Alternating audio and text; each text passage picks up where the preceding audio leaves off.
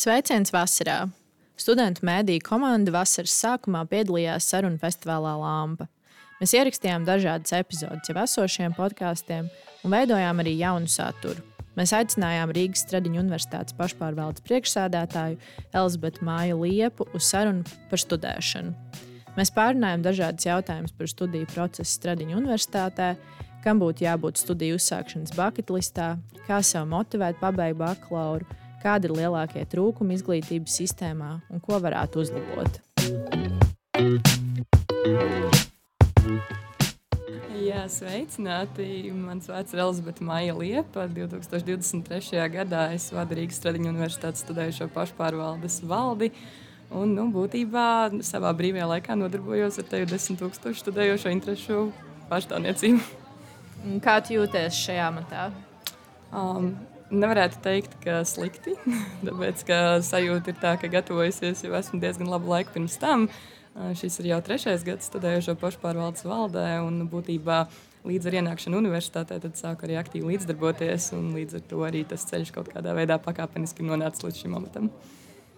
Tas ir man liekas, iespaidīgi, tā, ka cilvēkam ir deksme un ir vēlme darīt. Un, uh, Jā, mēs uzreiz ķeramies pie jautājumiem. Jā, jā. jā nu tad uh, pirmais jautājums tad ir, kas ir studiju uzsākšanas bucket listā? Bucket listā. Uh, tas arī ir uh, labs vārds, labs jautājums. Uh, droši vien ļoti atkarīgs no katra studējošā individuāli, bet uh, gribētos teikt, ka, protams, ka sākotnēji tā ir interese. Um, izcilā gadījumā tas ir arī kaut kāds mērķis, kas ir sekojis līdzi cilvēkam jau no uh, vidusskolas vai pat pamatskolas laikiem. Ja šāds te varbūt konkrēts vektors nav novilkts un vēl ir neskaidrības par to, ko izvēlēties, tad, protams, ka noder kontakti un iespējas saprast, kas ir tas, ko studējošais vēlas studēt un kurā virzienā vēlas attīstīties. Un tad, protams, gribētos teikt, ka tāda aktīva iesaistīšanās informācijas plūsmā jau no paša, paša sākuma, tāpēc ka um, pats pats svarīgākais ir zināt, kur atrast informāciju par dažādām iespējām, ņemot vērā to, ka augstskolas dzīve ir ļoti lielā mērā atšķiras no vidusskolas un no pamatskolas laikiem un tam līdzīgi. Kā jā, kontakti un skaidrība par to, kā orientēties laukā. Mm -hmm. Un, ja mēs runājam par informācijas iegūšanu studentiem, tad kur mēs varam iegūt šo informāciju? Nu, uh, droši vien vairāk varēšu spriest tieši par Rīgas Stradiņu universitāti, par savu alma būtībā nu, iespējas studējošiem un uh, vispār reflektantiem ir ļoti, ļoti daudz jau arī um, pirms iestāšanās perioda. Ir iespējas apmeklēt um, atvērto durvju dienas, ir iespējas uh, piedalīties uh, dažādos pasākumos, piemēram, Skola 2023 un um, rast informāciju tur, protams, ka dažādas uh, mediju aktivitātes un tam līdzīgi. Um, pašā iestāšanās procesā varbūt pirmie atbalsta punkti, ko es gribētu minēt, ir uh, studentu servises. Dažādas universitātes tiešām ir nodrošinājušas plaš, plašas iespējas, uh, kur studējošiem rast palīdzību, rast informāciju un tāpat arī cenšas uh, palīdzēt studējošo pašpārvaldu. Un, uh, piemēram, kas ir studentu prioritātes? Kam ir jābūt kā studentu prioritātei studiju procesā? Mm, studiju procesā vispārīgi runāt, protams, ir mazliet grūtāk, ja es uh, cenšos sev nodalīt no sava lauciņa, jeb medicīnas.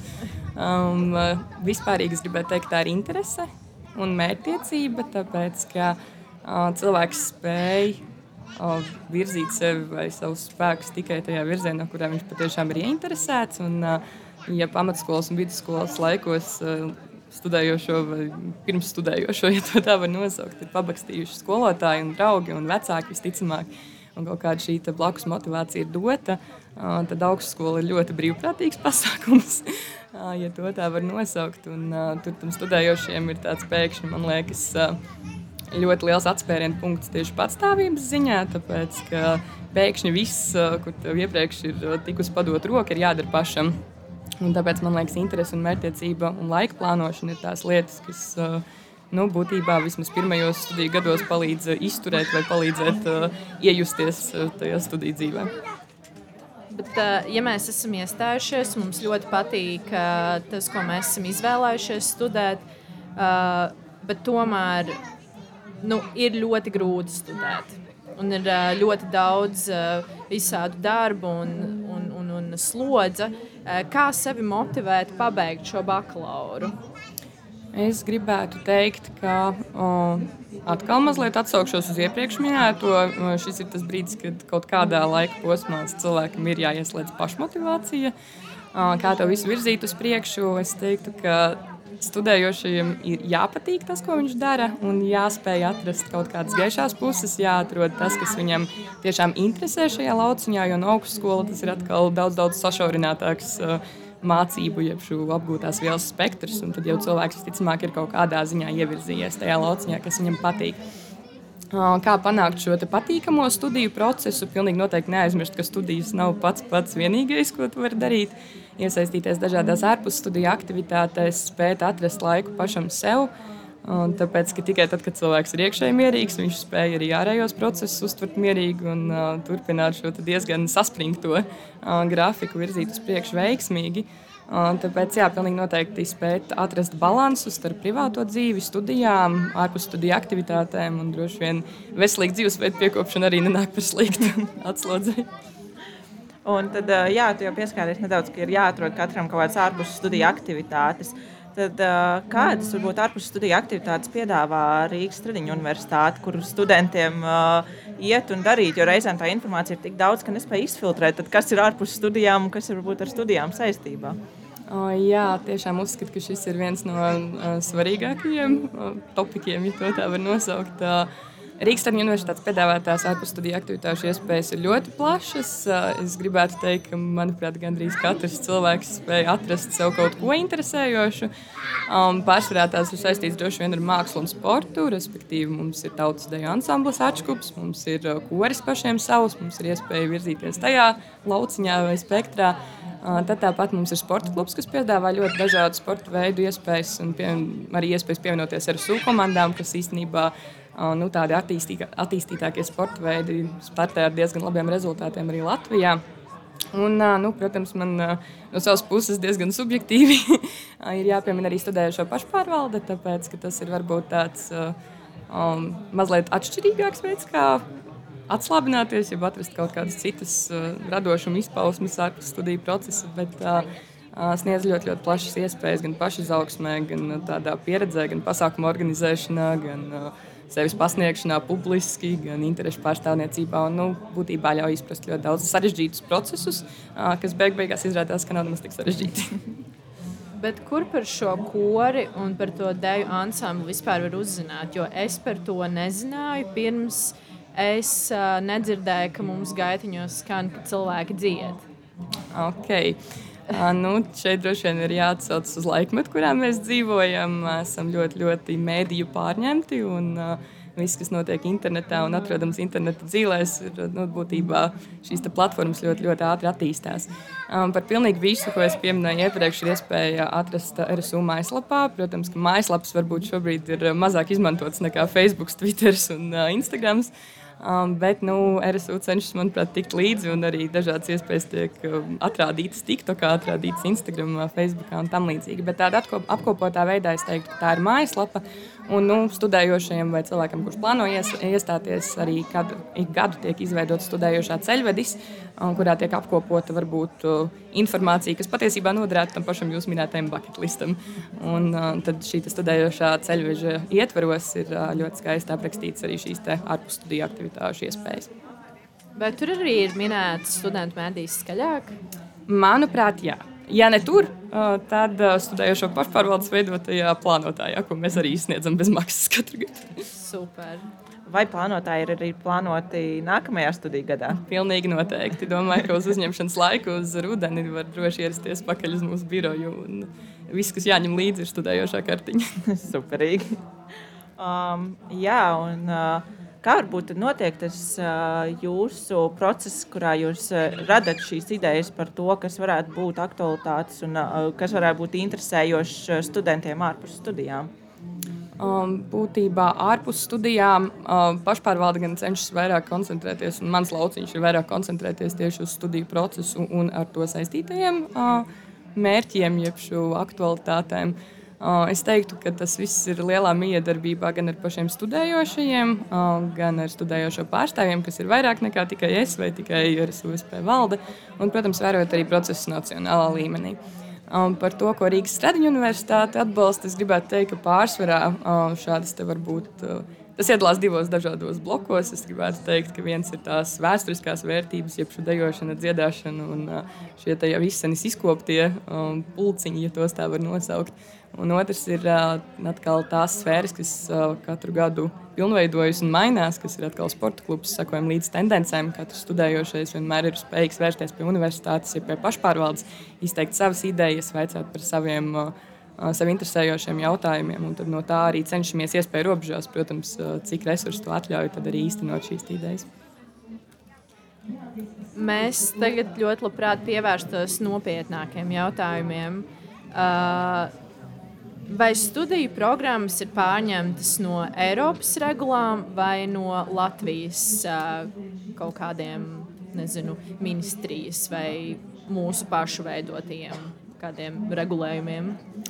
Um, es teiktu, ka labi, pirmkārt, jautājums nopietns. Um, Otrakārt, jautājums ir mazliet vēsturiski pieskaņa. Jo, kā mēs zinām, uh, vēsturiski Rīgas Stradiņa universitāte tomēr ir bijusi, nu, gribētu teikt, veselības aprūpes virziena. Un esošais tāds varbūt zinājums spēks Latvijā, un tad vēsturiski mazliet šīs sfēras ir arī pamainījušās. Uh, respektīvi, ja primāri koncentrējāmies uz veselības aprūpi, un, uh, gan medicīnas institūta laikā, gan vēlāk, Tad šobrīd pēdējos desmitgadēs nu, jau Rīgas Traģiņu universitāte cenšas virzīties ne tikai nacionāli, bet arī starptautiskā mērogā, cenšoties nodrošināt plašāku spektru ar studiju programmām un iespējām studējošiem. Un tāpēc es gribētu, atgriežoties pie jautājuma, teikt, ka tā ir kaut kādā veidā miedarbība, un tas ir arī normāli, kā jebkurā augstākās izglītības iestādē. Viens ir Eiropas tendences, jo tomēr mūs visus interesē īpaši starptautiskā augstskolā, lai šo grādu varētu izmantot arī vēlāk ārzemēs un studējošiem šīs iespējas paveras plašākas. Bet nu, nevaram aizmirst arī par to, ka Latvijā ir savs iekšējais darba tirgus un tas pieprasījums īpaši mums, ja mēs atrodamies zem veselības ministrijas, nevis zem izglītības un zinātnes ministrijas, tad, nu, protams, ir kaut kādā ziņā specifiskāks. Un, kā tu domā, vai tas ir pietiekami, vai kas pietrūkst, vai kas ir ļoti labi? Kādi ir trūkumi varbūt eh, izglītības sistēmā eh, un ko varētu uzlabot? Nu, pašlaik eh, es domāju, ka diezgan skaļš temats arī pēdējos mēnešos ir bijis tieši finansējuma trūkums augstākajai izglītībai. Un par to tiek runāts nu, jau vairākus gadus pēc kārtas, ka nu, šī straujā pasaules attīstība, un ne tikai pasaules, bet šobrīd arī Latvijas pieprasa uz augstāko izglītību, varbūt likt lielāku uzsvaru un uh, izšķirt to kā augstākas uh, pakāpes prioritāti Latvijā. Un tāpēc uh, finansējums augstākai izglītībai ir pilnīgi viennozīmīgi. Tas attiecas gan uz atbalstu studējošiem, gan uz uh, pedagoģu algām, gan uz uh, citiem jautājumiem. Tāpēc, ka visi šie ir kopēji ietekmējoši faktori, kas šo izglītības kvalitāti Latvijā arī nosaka.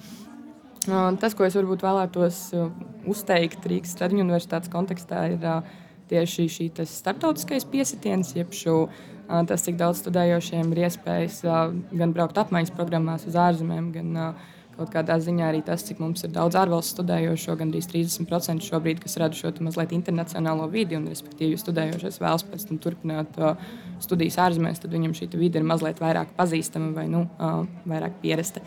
Šī virzība uz Eiropas tendencēm, es domāju, ka ilgtermiņā pilnīgi noteikti atmaksājas gan studējošiem, gan arī augstākās izglītības iestādē kā tādai. Nu, tā ir būtībā virzība uz uh, izaugsmi. Jautājums ir, vai pietiek resursu, uh, lai to nodrošinātu. Jā. Man ir pašai sev interesējošs jautājums. Kāpēc uh, stradiņos netiek piedāvāts vairāk budžeta vietas? Piemēram, uh, mūsu programmā žurnālistikā ir tikai viena budžeta vieta. Un, uh, kāpēc? kāpēc? Mm, paldies! Es neesmu pirmkārt droši, ka esmu īstais cilvēks, kam vajadzētu šo jautājumu, bet mēģināšu atbildēt uh, subjektīvi no sava viedokļa. Um, šeit jau, kā iepriekš minēju, ir jāņem vērā fakts, ka mēs uh, tomēr uh, funkcionējam zem veselības ministrijas, šobrīd nevis zem izglītības un zinātnes ministrijas. Uh, Tātad nu, mums ir piešķirts šis mazliet specifiskākais uh, sektors, kurā mūsu augstākās izglītības iestādē ir jādarbojas. Šeit gribētu teikt, ka varbūt vaina nav Rīgas Stradiņu universitātē, tāpēc ka budžeta vietas ir valsts apmaksātas. Un tas nozīmē, ka drīzāk šis trūkums, jeb šī caurums, kas būtu jālabo, ir jāmeklē mazliet augstāk un tālāk, jeb augstākās izglītības sistēmā, un atkal augstākās izglītības finansējumā no valsts puses, plašākā mērogā. Bet nu, ir liela cerība, ka pie tā tiek strādāts. Un, cerams, ka tuvāko gadu laikā varēsim redzēt arī izmaiņas. Mm -hmm.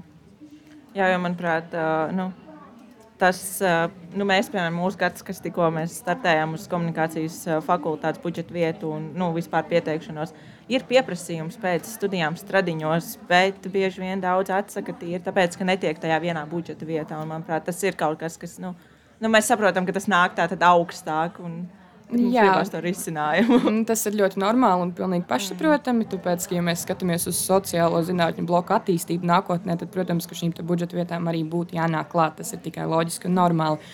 Un ir pilnīgi skaidrs, ka pēc studējošiem tas interesē. Īpaši šis pie, pieprasījums pēc šīm studiju vietām aug. Šajā gadījumā es gribētu teikt, ka šis jau ir liels solis, jo pāris gadus atpakaļ sociālo zinātņu blokam vispār nebija nevienas valsts apmaksātas budžeta vietas. Tas ir parādījies burtiski tikai pēdējā gada, divu laikā. Man vienkārši ir ļoti liela cerība uz nākotni, ka redzot, cik liels ir šis pieprasījums un interesi no studējošo puses, tad būs iespēja šo atbalsta mehānismu arī attīstīt. Mhm. Varbūt kaut kādas uh, trīs lietas tu varētu nosaukt, kuras uh, varētu uzlabot bez finansējuma. Bez finansējuma. Tieši Rīgas Stradiņu universitātē, augstākajā izglītībā, mazliet precizējoši jautājumu. Es domāju, Rīgas Stradiņu universitātē. Jā, tas būs tas mums interesē vairāk. Labi, šis ir interesanti. Man pašai būs mazliet jāpadomā. Mm -hmm. Pirmkārt, varbūt uh, informācijas apkopošana, jo es pat to gribētu mazliet izvilkt no šīs sarunas. Uh, saprotu, ka jūs esat pirmā, pirmā gada studējošās. Nu, lūk, respektīvi, jums uh, kā varētu teikt, no desmit tūkstošiem studējošo paņemtiem random izvēlētiem uh, studentiem ir uh, bijušas problēmas atrast šo informāciju, vai varbūt jūs neesat varējuši atrast vienu, vietu, vienu apkopotu vietu, kur to meklēt, vai tam līdzīgi. Tad varbūt būtu jāstrādā uh, pie šādas. Nu, uh, plašo iespēju caurskatāmības veidošanas studējošiem, jo ir skaidrs, ka šo piedāvāto iespēju ir ļoti daudz. Um, bet, lai gan katru gadu tiek meklētas iespējas, kā vēl to mazliet jaunos veidos un citādākos pasniegt studējošiem, tad nu, ir skaidrs, ka um, šis ir kaut kas, uz ko vajadzētu tiekties. Un papildus šausmas ļoti grūti šobrīd. Mums ir tāds jauns un svaigs gads. Man vairāk ir uh, lietas, kuras es zinu, ka varētu norādīt augstākās izglītības sfēras, jeb sektora ziņā. Uh, Rīgas Stradiņu universitāti šobrīd tādu smagnēju problēmu, kas būtu iemilzušas. Grūti pateikt. Es gribētu teikt, ka varbūt vēl pedagoģu trūkums, kas nu, varbūt ir pieredzējuši profesori tieši un uh, tādu pieredzes bagātu uh, lektoru un mācību spēku trūkums, bet tā ir problēma visā Latvijā. Un, uh, tā nav lieta, ko arī mēs varam šobrīd teikt, uz sitiena uh, īstenot. Vai, uh, vai, vai, vai atrisināt. Tāpēc, pedagoģa trūkums, tāpat kā medicīnas darbinieku trūkums, šobrīd Latvijā ir visur aktuāls. Nu, kaut kā tā, trešo lietu es pat nezinu. Bet, ja Latvijas vispār kopumā izglītības sistēmā kaut kādu vienu lietu, finansējums. Tikai finansējums. Tas nav tikai finansējums. Vienkārši jāsaprot, ka finansējums ir kā cepurīte, kas nosedz būtībā pilnīgi visu pārējo, Jā. kas iziet uz leju. Un, respektīvi, es varu šobrīd sēdēt un saukt dažādas uh, problēmas, bet pilnīgi viņu, nu, es nezinu, labi 90% no tām augšā sēž cepurīte. Un tas ir tas, kas varbūt man vienkārši ir iesēdies atmiņā arī pašai no savas pieredzes pēdējo pāris, ja trīs gadu laikā strādājot arī dažādos citos amatos. Pirms tam pašpārvaldes ietvaros ļoti daudz strādāju arī ar dažādu maznodrošināto grupu atbalstu nacionālā līmenī un, uh, un arī vietēji no RSU puses. Un, uh, Tas ir tas, kur uh, pilnīgi ir jūtams, ka tā jauniešu vēlme darboties un attīstīties ir uh, iespējas gan mums Latvijā, ir tādas, kādas viņas ir. Un līdz ar to salikt to kopā un rast to kaut kādu vidusceļu starp to, cik daudz var un grib studējošais, tas ir uh, diezgan sarežģīti. Jā, un tieši par to, kā, kā studentam motivēt, pabeigt, piemēram, bakalauru. Jo bieži vien ir tā, ka nolaižās rokas, jo liekas, ka nekas neizdodas. Atbalsts no, varbūt no universitātes atbalsts nav jūtams, kādu students ir vēlējies, vai ko. Kā atrast to motivāciju, tomēr pabeigt un tikt līdz galam. Jāsaka, ka es laikam esmu realiste. Um, man um, visu laiku es cenšos pati dzīvot ar domu, ka ir jāapzinās uh, šis līdzsvars, jeb šī atšķirība starp to, kādas ir bijušas tavas expectācijas, iestājoties uh, universitātē, vispār studiju programmā, kā tādā neatkarīgi no augstākās izglītības iestādes, un uh, kas ir tas, kāda ir reālā skarbā varbūt situācija ar studējošā dzīvi Latvijā. Uh, Un, protams, ka mēs saskaramies ar ļoti daudziem šķēršļiem. Manuprāt, viena no lielākajām problēmām ir tā, ka studējošais nemaz nav spējīgs veltīt visu savu laiku studijām un izglītības iegūšanai, vienkārši tāpēc, ka viņam, piemēram, ir jāstrādā paralēli. Vai nu lai nodrošinātu savu to pašu studiju vietu, tāpēc ka valsts neapmaksā visas studējošie nu, budžeta vietas, ir ierobežotā skaitā gan arī tāpēc, ka ļoti daudz studējošo nu, ap šo vecumu posmu ir skaidrs, ka nu, no ģimenes atbalsts arī nevienmēr ir pietiekošs, lai izdzīvotu. Īpaši studējošais nāk no reģioniem, viņam ir vēlme pārcelties uz Rīgu un mācīties studēt Rīgā. Tad ir skaidrs, ka šis te, nu, finansiālais aspekts arī ne tikai tādā plašākā mērogā, bet iekšēji arī ģimenē ļoti, ļoti nu, var spiest uz studējošu apstākļiem. Nu, lūk, tad, kā to visu apvienot? Mm ir jāsaprot, kas ir tas, kas tev ir dots un ar ko tu strādā. Ja tu spēj to apzināties, tad tev ir iespēja, nu, sevi noliec situācijā, ka tu vienkārši strādā ar to, kas tev ir. Ja tu esi atnācis un ļoti spēcīgi, varbūt es gribētu teikt, gandrīz žargonā atsities pret sienu, jeb pret kaut kādām tām lietām, kuras tu neesi gaidījis, ka tevi sagaidīs, um, parādoties uh, augstākās izglītības sfērā, kā tādā. Tad ir ļoti, ļoti grūti. Es teiktu, ka tas ir kaut kādā ziņā darbs pašam ar sevi. Um, iespējas, protams, nu, ir, ir smagāk gadījumi, ir gadījumi, kur studējošiem tiešām ir milzīgs motivācijas trūkums. Es, protams, ka tu vari teikt, ka ir iespēja vērsties pie psihologa, piemēram, mūsu universitātes gadījumā. Šāda iespēja vismaz pastāv. Ir augstākās izglītības iestādes, kur šādas iespējas studējošiem nav. Bet uh, es teiktu, ka līdz cilvēkiem ir ļoti, ļoti liela nozīme. Tajā brīdī, kad tu pats netiec vairs galā ar sevi, tad uh, es teiktu, ka tam ir cik saliedēta ir tava studiju grupa, vai cik daudz tu vari atrast draugus apkārt, kas varbūt ir citās augstākās izglītības iestādēs, bet kuri zina savu mērķi un redz to pienesumu, tad dažreiz ir vērts ar viņiem aprunāties. Tāpēc, ka, nu, tas ir tas brīdis, kad, ja ir pavisam grūti, tad ir jāsaprot, kāpēc to dari. Un, ja tu saproti, kāpēc tu to dari un kāds būs pienesums tev pašam nākotnē, vai kāds būs pienesums valstī, tāpēc, ka būsim reāli, mēs studējoši esam Latvijas nākotnē. Un tad uh, man liekas, ka tās viegla, kājas mazliet vieglāk sakcelēties. Nu jā, un arī nebaidīties meklēt palīdzību. Pilnīgi noteikti. Jā. Īpaši ļoti, ļoti raksturīga iezīme mūsdienās. Par to gan tiek, paldies Dievam, sākt runāt ar vien vairāk un vairāk. Um, bet šī ir iezīme, kas, manuprāt, nu, vismaz kādus 4-5 gadus atpakaļ bija ļoti, ļoti smagnēja. Tāpēc, ka šī vēršanās pēc palīdzības tiek uzskatīta par vājumu pazīmi, lai gan patiesībā tas ir vienkārši reāli darbs ar sevi. Un ir lietas, kuras cilvēks var izdarīt pats ar sevi strādājot, un ir lietas, kur viņam ir nepieciešama palīdzība no malas. Nebaidīties lūgt, mm -hmm. vajadzētu. Un, uh, kāpēc ir jaunieši, kuriem turpina studijas līdz uh, doktora grādam, doktora grāda iegūšanai? Un, uh, kas, kā viņi rod to motivāciju, kura varbūt tad, tam, kurš iet uz bakalauru, pietrūkst? Jā. Uh, Un, nu, protams, ka šeit ir jāsaprot, ka doktorantūras studējošo skaits Latvijā protams, ir mazāks. Ne visi, kuri tiek līdz bakalauram, turpina šīs izglītības kāpnes arī tālāk. Un, bet tas, ir, tas, ko ir svarīgi saprast, ir, ka manā uzturē doktorantūras studijas ir varbūt tāda lieta, kas ir te jau ieaudzināta no bērna kājas. um, protams, ka es šeit nevēlos runāt tik daudz par prestižu, par to, ka tev ir šis diploms vai grāts vai uh, tam līdzīgi. Protams, ir studējošie, kuriem pietiek arī ar šādu motivāciju. Bet nu, pārsvarā cilvēki, kuri iesaistās varbūt tāda plašāka mērķa labad, uh, ir studējošie, kuri jau varbūt bakalaura vai maģistra studiju laikā ir iesaistījušies vai nu plašos pētniecības pasākumos, vai izstrādājuši savus zinātniskos darbus. Viņiem līdz ar to ir vai nu izveidojušies kontakti, vai viņi ir iepazinušies ar dažādiem augstu līmeņu profesoriem, vai saņēmuši darba piedāvājumus un tādas pētniecības jomas piedāvājumus plašākās sfērās, kas ir varbūt laikietilpīgākie, aizņem vairākus gadus. Un es gribētu teikt, ka tie ir studējošie, kuriem šis doktorantūras uh, šī doktorantūras izvēle ir varbūt uh, loģiska un tāda pašsaprotama kaut kādā ziņā uz priekšu. Bet, nu, protams, tas prasa milzīgu gribas spēku. Un, uh, tas, ko es gribēju teikt, ir, ka uh, grūtāk nepaliek. Tu vienkārši sāc pierast pie vides. Un uh, varbūt, ka vieglāk arī nepaliek.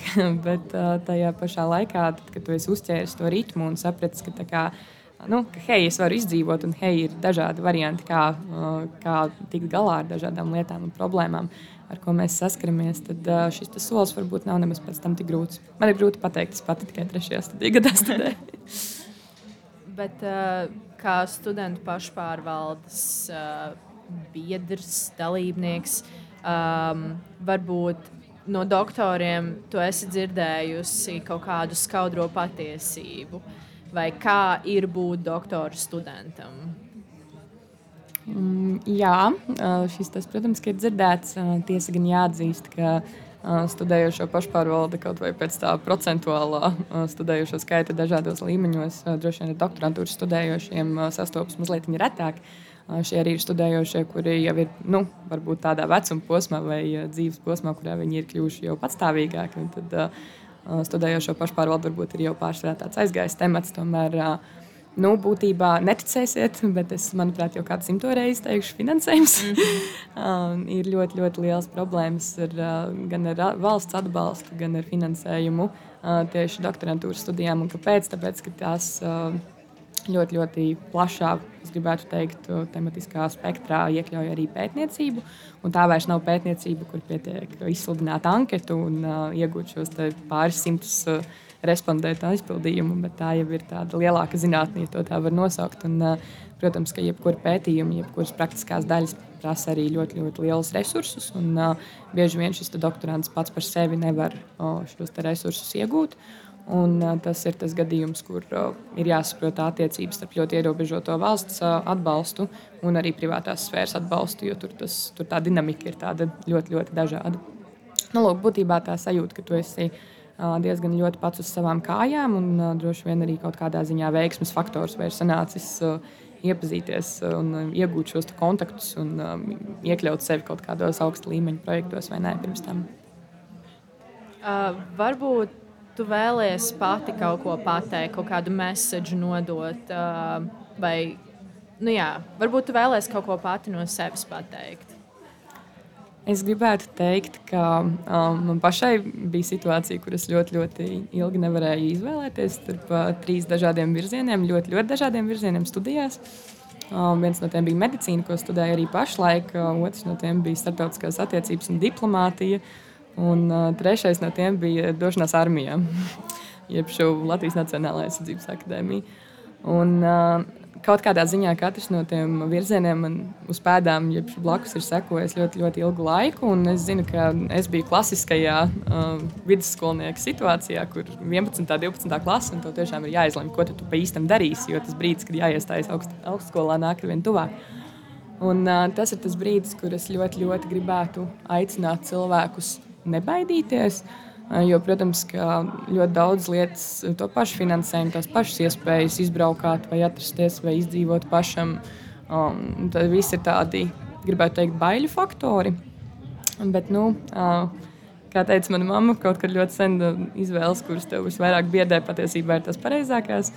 Un uh, īpaši augstākās izglītības, uh, varbūt kaut kādā dimensijā, es teiktu, ka uh, iespējas mums tiek pamestas cik uz soļa. Jautājums ir, vai tu esi gana drosmīgs, lai tajās iesaistītos. Tas ir uh, gan mans ceļš pašpārvaldē, gan iespējams jūsu ceļš pirmajā studiju gadā, iesaistoties uh, studentu medijā, gan, uh, gan visādi citādi. Un patiesībā tas, ko mēs redzam vēlāk, ir, ka paiet desmit gadiem tieši tie studējošie, kuri ir varējuši vai gribējuši izdarīt kaut ko vēl. Un šos studiju gadus tiešām izbaudīt plašākā spektrā, nevis tikai iekļaut šīs lietas, ko piedāvā studiju programma patiesībā ir tie veiksmīgākie. Tāpēc šis ir, šis ir tas periods, kurā mēs ļoti, ļoti ātri attīstāmies. Un ķert un ņemt vienmēr ir daudz labāk nekā nu, ieslēgties savā kastītē, borītī un sēdēt mājās. Tāpēc jā, esam drosmīgi. Lūdzu. Labi, paldies, Lielas, ka paldies, tev, atnāci pie mums un parunājies. Un paldies par novēlējumu. paldies jums! thank you